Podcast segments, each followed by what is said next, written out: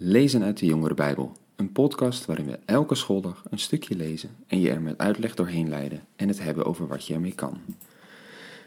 Dag jongens en meiden, goed dat jullie luisteren naar een nieuwe aflevering van de podcast. En deze week wilde ik met jullie een aantal teksten gaan lezen die er eigenlijk vooral over gaan hoe je naar jezelf mag kijken. hoe God naar ons kijkt en wat dat zegt over ons.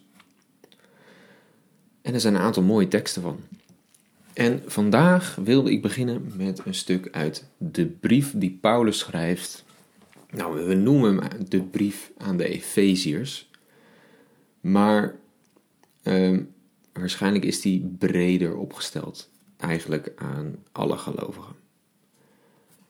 Laten we maar eens gaan lezen in hoofdstuk 1. En ik wil de eerste 10 versen vandaag met jullie lezen. En Paulus gebruikt daar best wel ingewikkelde woorden, moeilijke zinnen. Dus we gaan er gewoon stapje voor stapje doorheen. Zoals altijd begint ook deze brief met een aanhef. Waarin Paulus zegt dat hij hem geschreven heeft. En waarin hij een groet doet en ze het beste wenst.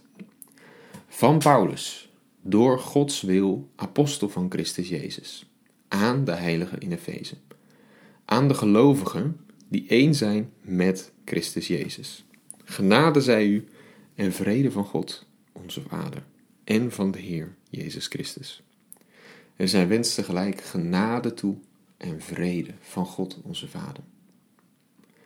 En dan zegt hij: Gezegend zij de God en Vader van onze Heer Jezus Christus.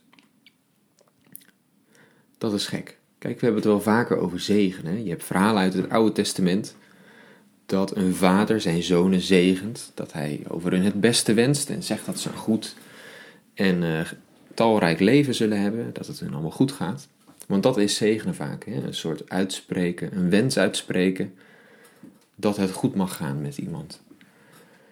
En eigenlijk hè, is dat ook wat het betekent, goed spreken over iemand. Maar hier zegent Paulus God. Gezegend zij de God en Vader van onze Heer Jezus Christus.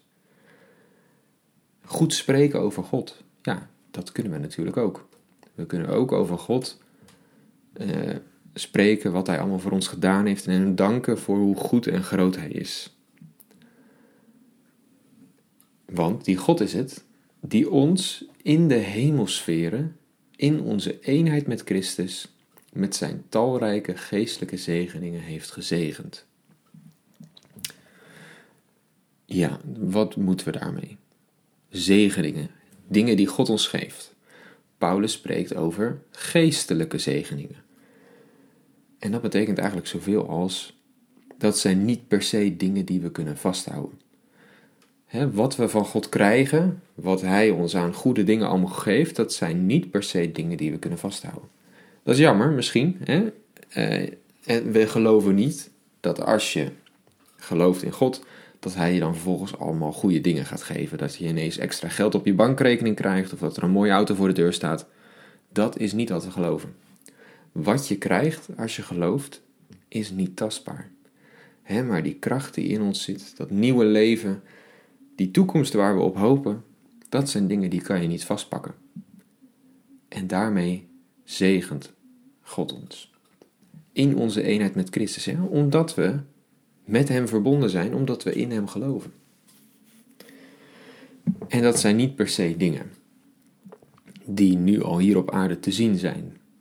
Dat ligt vaak nog in de toekomst, als God weer alle dingen op zijn plek gaat zetten. En daarom staat er ook niet dat dat op aarde is, maar in de hemel. In Christus immers heeft God, voordat de wereld gegrondvest werd, ons uitgekozen om heilig en zuiver voor Hem te staan. Dus daar zegt Paulus dat voordat de wereld ook maar gemaakt werd, God al aan jou dacht. Hij dacht al aan jou. Hij had jou al op het oog. Sterker nog, hij had jou uitgekozen om bij hem te mogen horen. Hij had jou uitgekozen om heilig en zuiver voor Hem te staan. Dat is wat God wil, dat je groeit, dat je steeds meer gaat lijken op hoe Jezus was en is.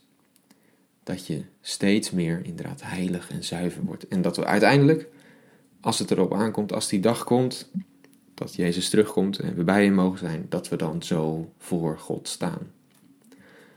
En hij gaat verder. En vol liefde heeft hij ons naar zijn wil en verlangen voorbestemd om door Jezus Christus zijn kinderen te worden.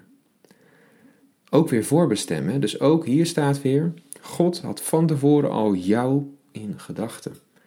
Hij had van tevoren al bedacht, jij wordt mijn kind en ik zal jouw vader zijn. En waarom heeft God dat gedaan? In vers 6 staat, tot eer van de grootheid van Gods genade. En die heeft hij ons geschonken in zijn geliefde zoon. Wat hij daarmee uiteindelijk doet, dat hij dit ons allemaal geeft, eigenlijk voordat we er ook maar waren, voordat we het echt konden verdienen. En dat is nou precies wat genade is. Het is God die het ons als cadeautje geeft, zonder dat we er iets voor gedaan hebben. En doordat hij dit op deze manier heeft gedaan, bewijst God hoe groot zijn genade is, die hij ons door zijn zoon geeft. In hem zijn wij door zijn bloed verlost en zijn onze zonden vergeven. dat is door wat Jezus gedaan heeft. Dankzij de rijke genade, dat cadeautje dat God ons in overvloed geschonken heeft. God heeft ons zoveel genade gegeven. Dat zelfs uh, mensen die hun leven helemaal verprutsen, maar dan toch uiteindelijk bij God uitkomen, ook zij krijgen genade. Paulus was er zo een. Hij had zelfs mensen uh, gevangen gezet, had toegestemd dat ze vermoord werden, alleen maar omdat ze wat geloofden waar hij niet achter stond. Hij had de gemeente van God vervolgd. Maar zelfs hem werd overvloedig genade geschonken, met het grote cadeau van God gegeven. Dankzij die rijke genade die God ons in overvloed heeft geschonken. Hij heeft ons in al zijn wijsheid en inzicht dit geheim onthuld. Zijn besluit om alles in de hemel en op aarde onder één hoofd, Christus, bijeen te brengen. Omdat het hem behaagde de voltooiing van de tijd te verwezenlijken met Christus. God heeft ons een geheim onthuld. Hij wil namelijk, en dat is eigenlijk iets, dat was niet zozeer een geheim, dat lees je al de hele Bijbel door. God wil uiteindelijk alles herstellen en alles weer bij hem terugbrengen. Maar hoe dat gebeurt, dat dat door Christus was. Dat door Christus alles onder hem bij, bij elkaar zou komen en dat hij dat vervolgens aan God kon overdragen. Ja, dat is een geheim wat ons nu onthuld is. Dat, dat Gods plan is. Maar dat is iets moois, hè? Als je ziet hoe de wereld nu in elkaar zit, dan verlangen we daarnaar. Inderdaad, dat God de dingen recht gaat zetten. Dat Hij recht gaat doen. En dat weet, mogen wij dus nu al weten. Tegelijkertijd, hoe mag je naar jezelf kijken? God had jou van tevoren dus al op het oog. Hij heeft jou uitgekozen. Hij heeft gezegd: Jij bent mijn kind, ik ben jouw vader. En het gaat me er niet om of jij goed genoeg bent, hè, of je aan een bepaalde lat voldoet. Jij bent mijn kind en ik hou van je.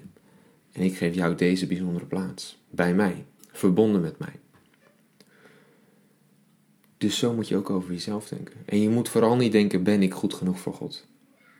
Want dat was je al lang. Ja? Dus dit is een eerste mooie tekst die daar iets over zegt. Hoe we naar onszelf mogen kijken. Hoe God naar ons kijkt. Nou, morgen gaan we verder. Tot dan.